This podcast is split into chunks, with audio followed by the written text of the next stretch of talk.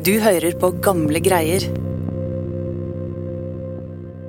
I en tysk konsentrasjonsleir under andre verdenskrig, omringet av bevæpnede vakter, pågikk det i nattemørket noe uvanlig. I en skitten brakke i helvetesleiren Ravensbruk satt en gruppe kvinner tett i tett i køyesengene. Kveld etter kveld lyttet de til hverandre mens de fortalte historier fra verdenslitteraturen. En av dem var norske Henriette Bie Lorentzen. Fellesskapet i lesesirkelen var livsviktig for Henriette og mange av de andre fangene. Ikke bare ga stunder som dette de hardt prøvede fangene håp, men båndet som ble skapt mellom kvinnene, gjorde at de holdt hverandre i live ved å snike til hverandre mat i hverdagene.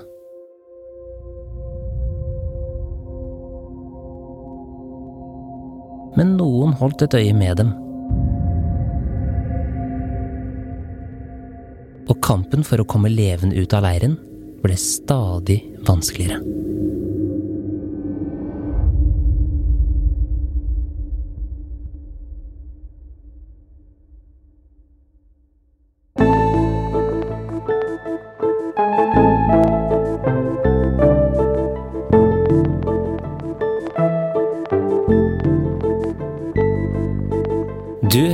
Gamle greier, en historiepodkast fra Nasjonalbiblioteket.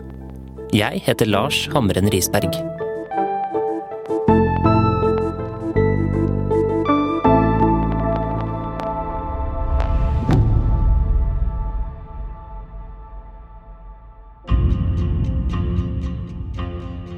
I den bekmørke Kristiansand-natten kunne man under den tyske okkupasjonen skimte en kvinne sykle så stille hun kunne rundt i byen. Johanne Ostad, forskningsbibliotekar ved Nasjonalbiblioteket. Sekken på ryggen var full av antityske løpesedler som hun forsiktig slapp ned i postkasser. Kvinnen het Henriette Bie Lorentzen. Hun var innbitt motstander av nazismen.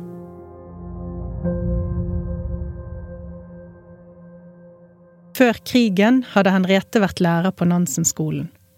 Samfunnsengasjementet hadde alltid vært viktig for henne.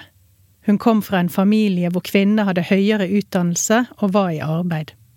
Og da Norge ble okkupert, startet Henriette sitt farlige dobbeltliv.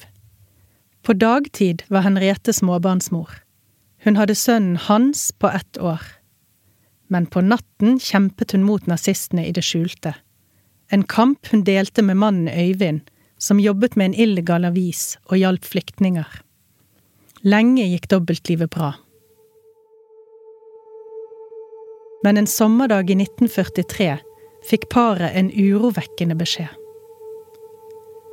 Gestapo var på sporet av Øyvind, og han måtte komme seg unna så fort som mulig. Saken ble drøftet i det hemmelige motstandsnettverket. Alle forsto at ekteparet var i stor fare. Henriette ventet parets andre barn. Derfor mente gruppen at nazistene trolig ikke ville gå etter henne. Gruppen bestemte at mannen Øyvind måtte komme seg unna, men at Henriette skulle bli. Like etter flyktet Øyvind i all hast på sykkel. Målet var Sverige.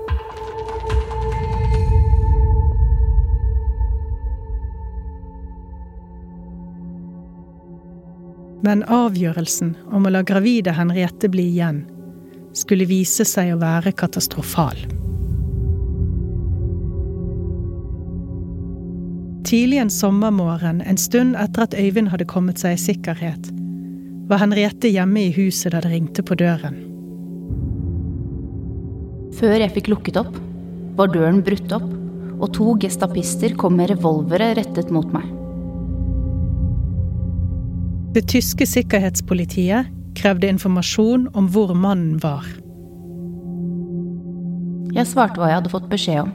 At han var på en gård i Setesdal og fisket. Men det svaret var de ikke fornøyd med. De to mennene begynte å rote rundt i leiligheten. De røsket ut bøker fra bokhyllen, rev ned bilder fra veggen og endevendte alle rom.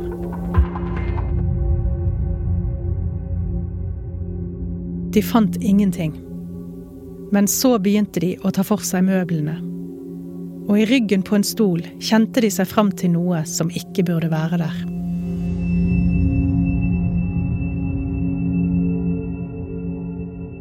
En illegal avis.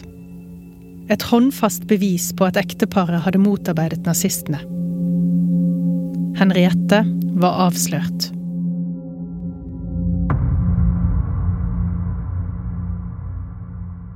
Hun ble arrestert på stedet og kjørt til arkivet utenfor Kristiansand sentrum.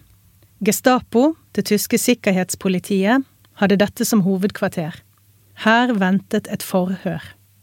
Henriette fortalte straks at hun var gravid, og håpet at det var et frikort. Nazistene hentet en lege som bekreftet at hun snakket sant. Men det hjalp ikke. Forhøret startet, og de krevde at hun skulle røpe alt om motstandsarbeidet.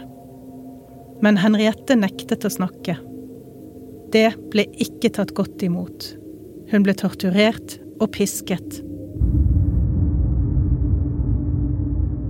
Etter dette gikk turen innom kretsfengselet i byen, og deretter til Grini fangeleir.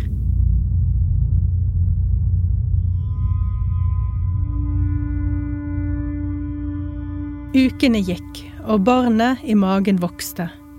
Samtidig jobbet nazistene med å avsløre og ødelegge motstandsnettverket hun var en del av. Så en dag ble Henriette kjørt til et stort og ruvende bygg i Oslo sentrum. Der ble hun ført inn i en fengselscelle. Døren ble lukket, og nøkkelen vridd om. Henriette må ha vært helt fortvilet nå. Ja. Hun var blitt revet bort fra sitt vanlige liv og atskilt fra ektemannen Øyvind. En liten trøst var jo at barnet hans på ett år var hos slektninger. Men det så mørkt ut likevel. For Henriette var jo gravid og ante ikke hva fremtiden kunne bringe. Alene i fengselscellen begynte hun å tvile. Hun hadde med glede og stor overbevisning undervist på Nansen-skolen, i humanisme, litteratur og feminisme. Men nå orket hun snart ikke mer. Hadde mitt valg vært riktig? Er det ikke bedre at dette barnet ikke kommer til verden, ikke blir født? Gjentagende ganger prøvde jeg å ta livet av meg. Jeg klatret opp på bordet og kastet meg ned for å få hodet knust, men kom alltid ned på bena. Jeg var vel ikke modig nok. Snart skulle marerittet bli totalt. Hun fikk beskjed om at barnet hun bar på, skulle bli tatt fra henne etter fødselen. Det skulle bli sendt til et tysk barnehjem.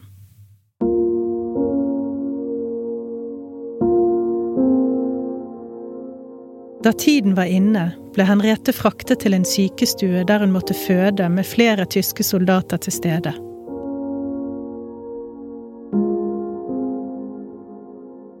En liten halvtime fikk hun holde den varme, lille bylten.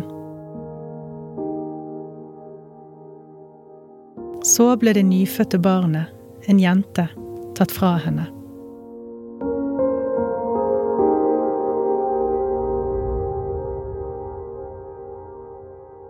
Men planen om det tyske barnehjemmet ble endret i siste liten. Legen forbarmet seg over Henriette og bestemte at barnet skulle bli gitt til hennes søster. Dagen etter fikk Henriette øye på en drosje som sto parkert utenfor. I den satt min søster, med en babypose på fanget. Således fikk jeg visshet om at mitt barn var reddet. Like etter fikk Henriette en grusom beskjed. Som straff for at hun hadde motarbeidet nazistene, skulle hun bli sendt til den fryktede konsentrasjonsleiren Ravensbrück.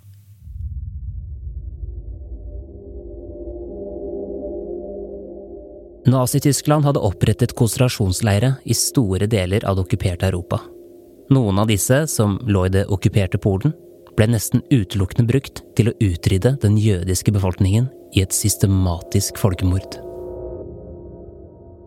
Henriette ble sendt til Ravensbrück, som lå i Tyskland.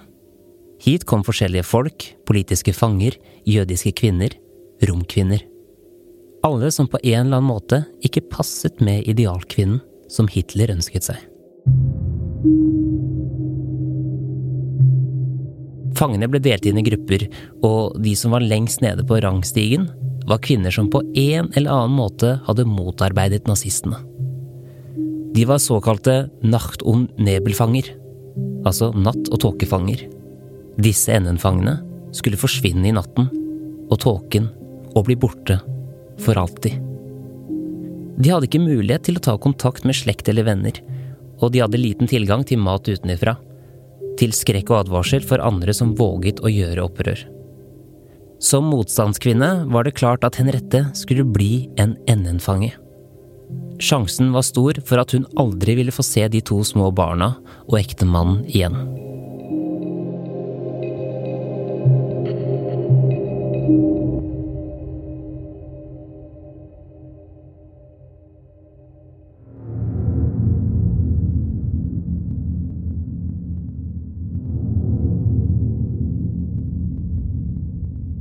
Høye murer, piggtråd og bevæpnede fangevoktere.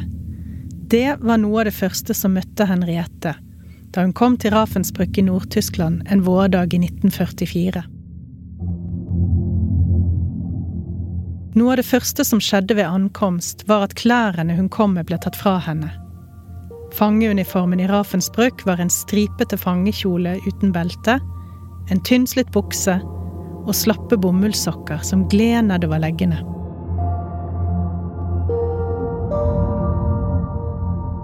Brakken hun skulle sove på, var mørk og overfylt. Sengene var stablet, tre i høyden, og det var kakerlakker overalt.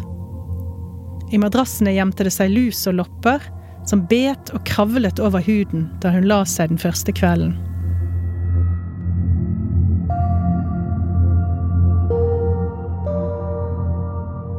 Det tok ikke lang tid før hun fikk store sår og byller over hele kroppen. Overalt på området kunne Henriette se plakater med dødninghoder som skulle minne fangene på at det var sterk strøm i de elektriske piggtrådgjerdene, hvis noen skulle prøve å rømme. Og de våkne øynene til de kvinnelige fangevokterne, som ble kalt flaggermusene, fulgte henne overalt hvor hun gikk.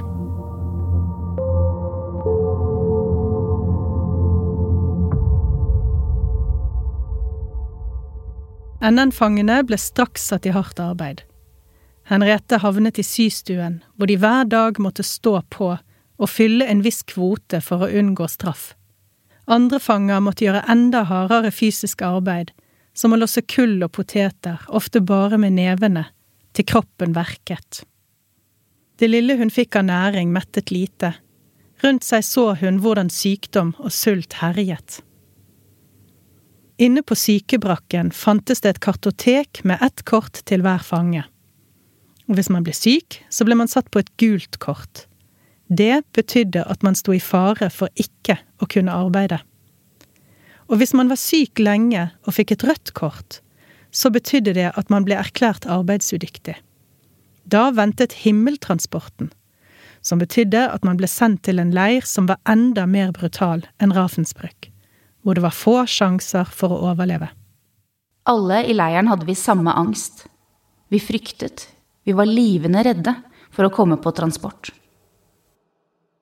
Henriette forsøkte å forsone seg med at hun kanskje aldri ville komme levende ut. Hun minnet seg selv på at hun tross alt hadde fått mye ut av livet. Hun hadde tatt utdannelse og fått seg en familie. Jeg arbeidet bevisst med å venne meg til dødstanken. Jeg husker jeg sa til meg selv dag etter dag, en gang skal jeg jo dø. Du har fått mye ut av livet. Jeg tror jeg klarte å se døden i øynene. Men midt i all frykten kunne de finne et uventet glimt av lys.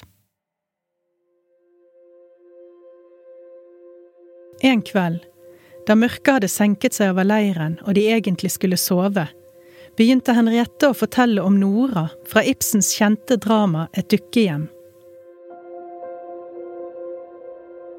Snart ble det flere sånne kvelder med litteratur i fokus.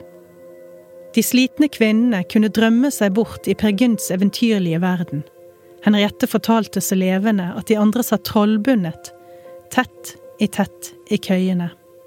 Og Henriette var ikke den eneste som kunne bidra på brakken.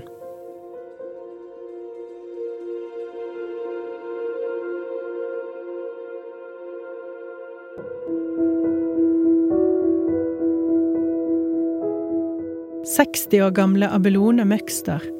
Hun holdt alles humør oppe med sine vittige kommentarer og lystige folkeviser. På klingende vestlandsdialekt fikk hun alle til å le.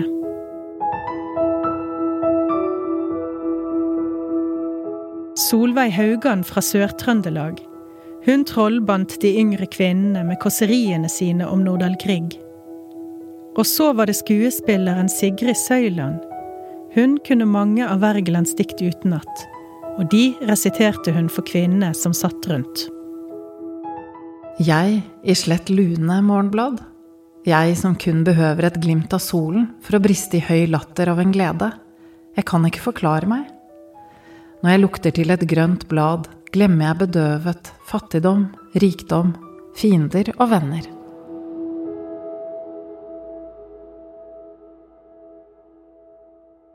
Disse møtene her må jo ha betydd utrolig mye for Henriette og de andre. Ja.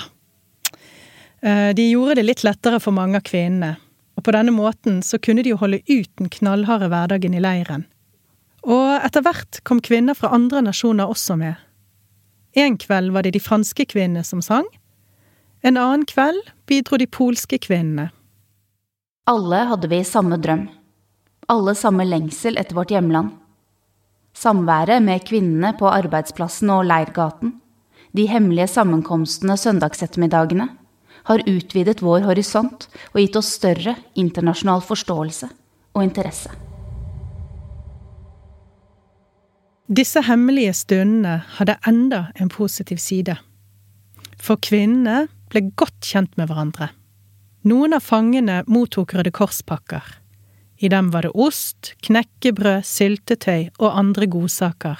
Noe helt annet enn den næringsfattige kosten de fikk i leiren. De fangene som hadde flere privilegier, begynte å dele med Henriette og de andre NN-fangene. Og noen ekstra kalorier, det kunne være helt avgjørende for om han overlevde eller ikke. Spesielt viktig var det for NN-fangene, som Henriette, som ble satt til å gjøre knallhardt arbeid. Gjennom den hemmelige klubben kunne de altså av og til spise litt bedre.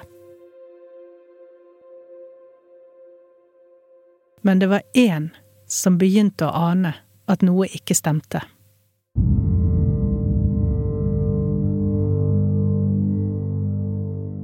Leirkommandanten Fritz Soren var en glødende nazist, og han drev fangene så hardt han kunne på så lite mat som mulig. Det kunne være alt fra lossing av jernbanevogner, som Henriette gjorde, til å rydde skog eller skuffe sand. Nå så han at flere klarte seg bedre enn forventet. Og da begynte han nok å fatte mistanke. Var det noen som hjalp NN-fangene i skjul? Leirkommandanten bestemte seg for å aksjonere. Han la en plan om at NN-fanger som Henriette, Abelone og flere av de andre skulle isoleres i en egen brakke, sånn at de ikke kunne få hjelp av andre.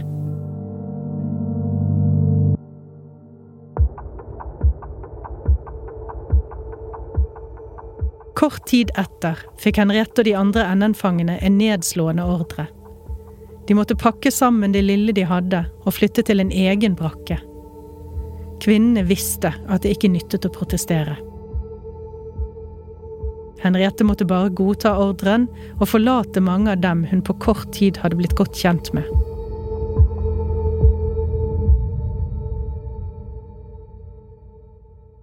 Leirkommandanten hadde fått viljen sin. Nå ventet han bare på å se resultatet av planen. NN-fanger som Henriette, som hadde motarbeidet nazistene, skulle forsvinne.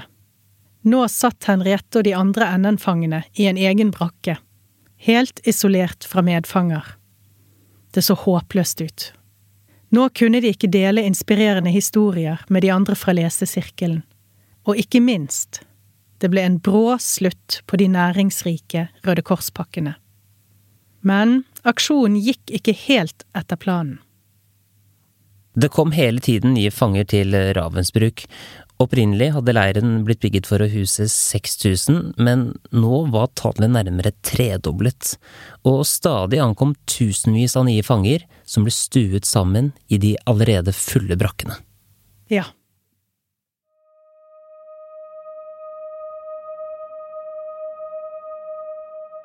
Og i dette kaoset oppsto en mulighet for Henriette og de andre NN-fangene.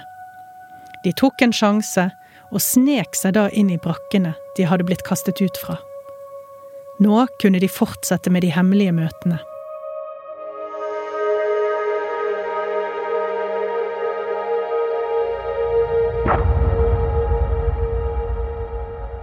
En dag så kunne de høre lyden av at noe var i endring utenfor leiren.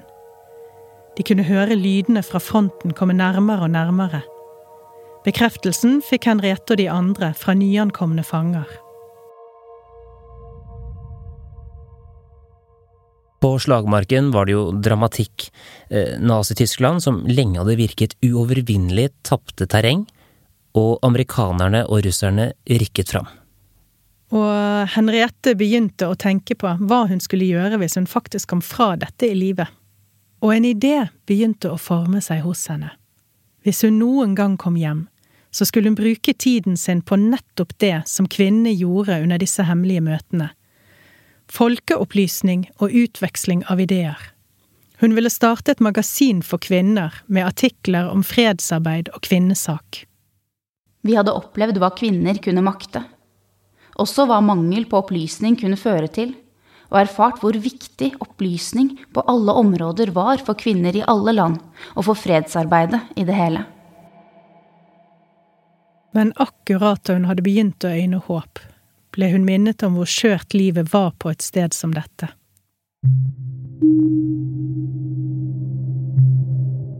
Solveig, skuespilleren fra Trøndelag som fortalte kåserier, hun ble alvorlig syk. Og snart var det ingen vei utenom. Hun havnet på den fryktede sykebrakken. Alle visste at hvis hun ble der for lenge, så ville hun få rødt kort. Og det betydde himmeltransport.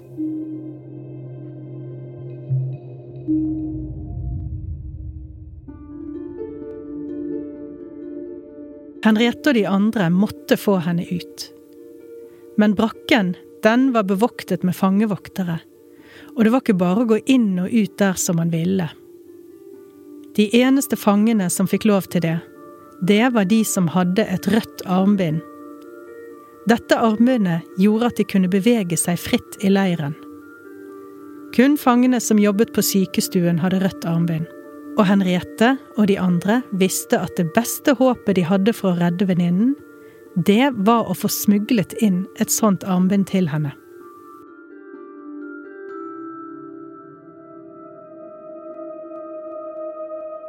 De klarte å skaffe seg et rødt armbind, og ble enige om å forsøke å smugle inn armbindet i en knekkebrødpakke til den syke venninnen.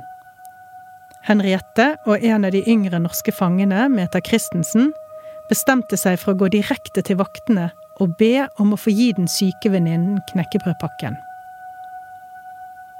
De to ventet spent på svar. Så fikk de lov til å overlevere knekkebrødpakken.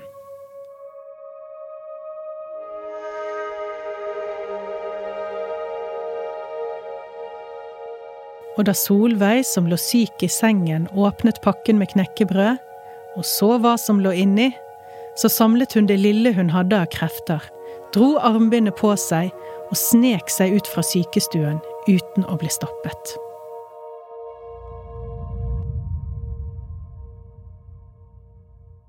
Solveig var trygg. Vennskapet og samholdet i den hemmelige lesesirkelen hadde reddet henne og nå så det lysere ut enn på lenge. Krigen gikk mot slutten. Fra hver sin side rikket sovjetiske, amerikanske og andre allierte soldater lenger og lenger inn i Tyskland, og snart begynte det å spre seg et rykte blant de norske fangene.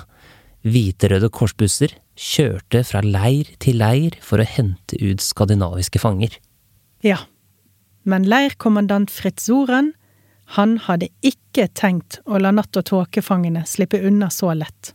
Selv om det gikk dårlig for Nazi-Tyskland i krigen, var han fast bestemt på å tilintetgjøre fangene som aktivt hadde motarbeidet nazistene. Leirkommandanten bestemte seg for å sette i gang en brutal plan. Og denne gangen skulle det gå raskt. Han ga ordre om at et tog skulle fylles opp med NN-fanger. og det toget skulle rulle ut fra togperrongen i Ravensbrück og ende i dødsleiren Mauthausen. Alle NN-fangene måtte ut av brakkene. Da forvirringen og kaoset hadde lagt seg, forsto kvinnene at de ikke hadde noe valg. De skulle forlate Rafetsbruk. I samlet flokk måtte de marsjere til toget som ventet. Så ble de tvunget inn i vognene. De slitne fangene med skitne, stripete kjoler gikk inn én etter én. Leiren var full av væpnede vakter. Det nyttet ikke å gjøre motstand. Men i trengselen var det én kvinne som manglet. Tobarnsmoren Henriette. Hun var ikke til stede i brakken da de andre fikk den skremmende ordren. Men venninnen Abelone var ikke like heldig.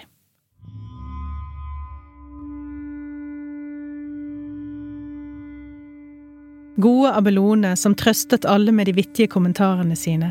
Hun ble presset inn i toget med de andre NN-fangene og sendt til dødsleiren Mathausen samme dag. Snart fikk Henriette vite hva som hadde skjedd mens hun var borte. Ved en ren tilfeldighet hadde hun lurt døden.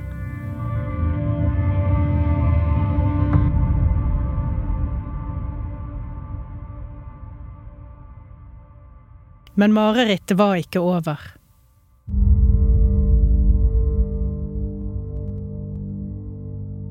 Matrasjonene ble skåret ned, og fangevokterne virket mer og mer nervøse.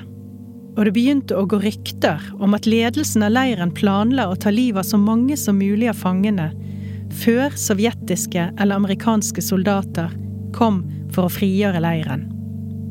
Situasjonen ble bare mer og mer kaotisk.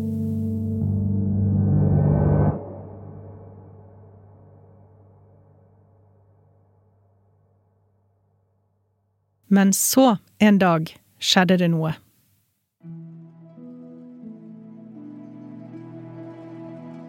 Det er lørdag ettermiddag. Jeg går sammen med en norsk fangevenn nedover leirgaten. Da ble hovedporten åpnet. Bak portene kunne Henriette og venninnen skimte hvite busser.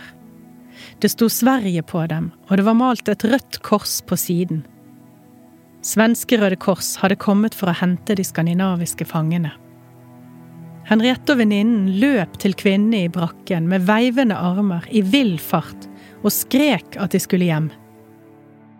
Og så fikk de det travelt. Bussene skulle kjøre om bare en halv time. De måtte skynde seg å pakke det lille de hadde.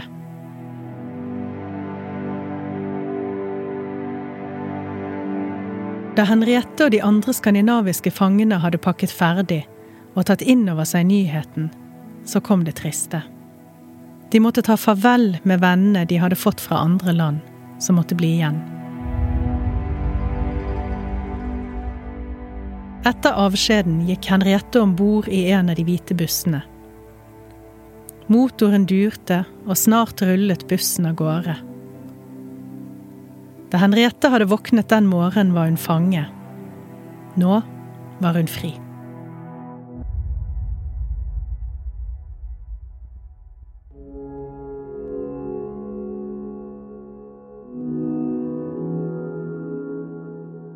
Etter over ett år i en grusom konsentrasjonsleir kunne hun nå sitte på en buss og se ut av vinduet på leiren, som ble mindre og mindre mens de kjørte av gårde nordover. Hun hadde overlevd.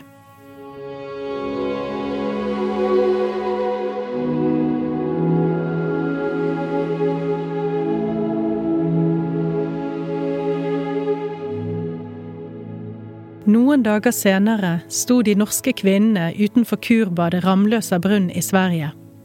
De hadde fått mat og klær og all omsorg de kunne drømme om. Likevel var de ikke glade. De tenkte på Abelone fra lesesirkelen og de andre norske som hadde blitt sendt med transport, rett før resten ble reddet.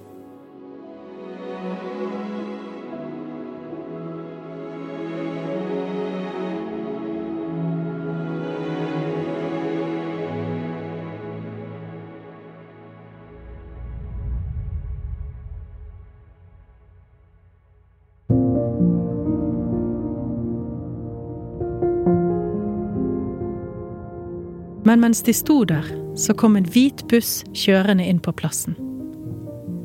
Den stanset, og dørene ble åpnet. Og én etter én så steg passasjerene ut.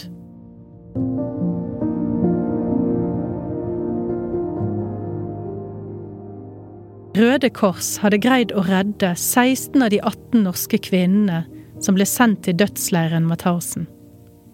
Og blant ansiktene så Henriette en kjær venn.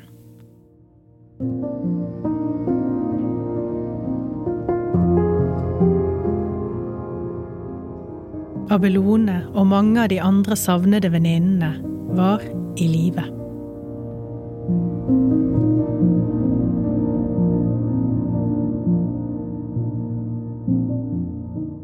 Omtrent 132 000 kvinner og barn ble sendt til Ravensbruk i løpet av krigsårene. Rundt 40 000 overlevde. Av de 103 norske fangene var det 94 som overlevde til krigens slutt. Mye takket være pakkene de fikk og delte med hverandre. De fikk også mindre brutal behandling enn fanger som ble ansett som ikke-ariske. Etter krigen ble Henriette Bie Lorentzen gjenforent med mannen sin og de to barna sine. Til tross for sine forferdelige erfaringer med nazistene, hadde Henriette livet ut en urokkelig tro på at godhet finnes i alle mennesker. Også nazistene, som hadde gjort henne så mye vondt. Henriette var klar på at det beste våpenet mot hat var kunnskap og humanisme. I 1985 ble Henriette intervjuet av NRK. Da trakk hun fram noe hun mente var spesielt viktig for framtiden. Hvordan virkelig nå ungdommen?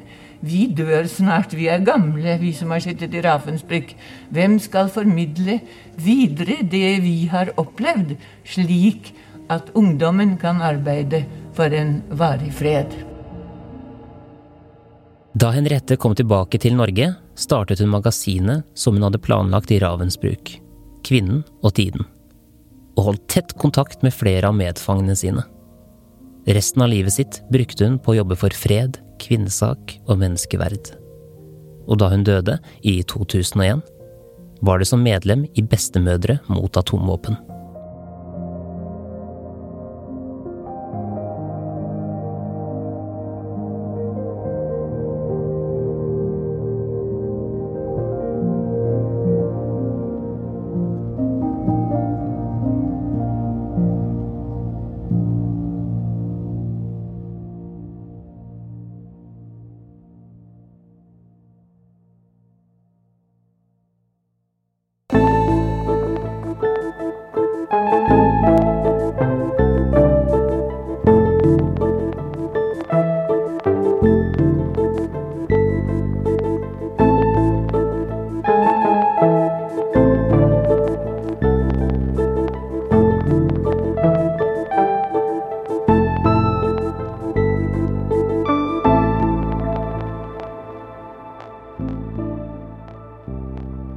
Du har hørt en episode av Gamle greier. Episoden var laget av Live Fele Nilsen, Dang Trind, Ragna Nordenborg og meg, Lars Hammeren Risberg. Takk til Lars Bjørndal Lien, historiker ved Holocaust-senteret, for god veiledning. Kilder til episoden var Henrette Bie-Lorentzens beretning i Vi valgte det vi ikke kjente, Norske krigsdeltakere om den gang og nå av Andreas Gartveit, Kvinneleiren, historien om Ravensbruk-fangene av Christian Ottosen, Fange i Ravensbruk av Lise Børsum, Eplekarten i Ravensbruk av Oddvar Sjølberg og Magnhild Bråten. Fange 37722 i Ravensbruk av Stig H. Christensen og Unn Christensen. Dokumenter fra Nasjonalbibliotekets privatarkiv tilknyttet fanger i Ravensbruk. Arkivet etter Henriette Bie Lorentzen og upublisert manus etter Knut Christoffersen. Dokumenter fra Nasjonalbibliotekets privatarkiv. Artikkelen 'Clothes as Expression of Action in Former Concentration Camps' i International Journal of Historical Archaeology av Claudia Tenu. Våkne kvinners blad, Henriette Bie Lorentzen i samtale med Birgit Wiig i NRK mars 1983. Og reportasjen fra Sånn er livet i NRK mai 1985. En stor takk til Henriettes familie, særlig datteren Kristin Andersen, for gode innspill til manus i denne episoden. Musikken du har hørt i denne episoden, er fra Epidemic Sound og Therese Aune. Du finner mer av musikken til Therese på thereseaune.com, eller der du strømmer musikk til vanlig. Mitt navn er Lars Hamren Risberg. På gjenhør.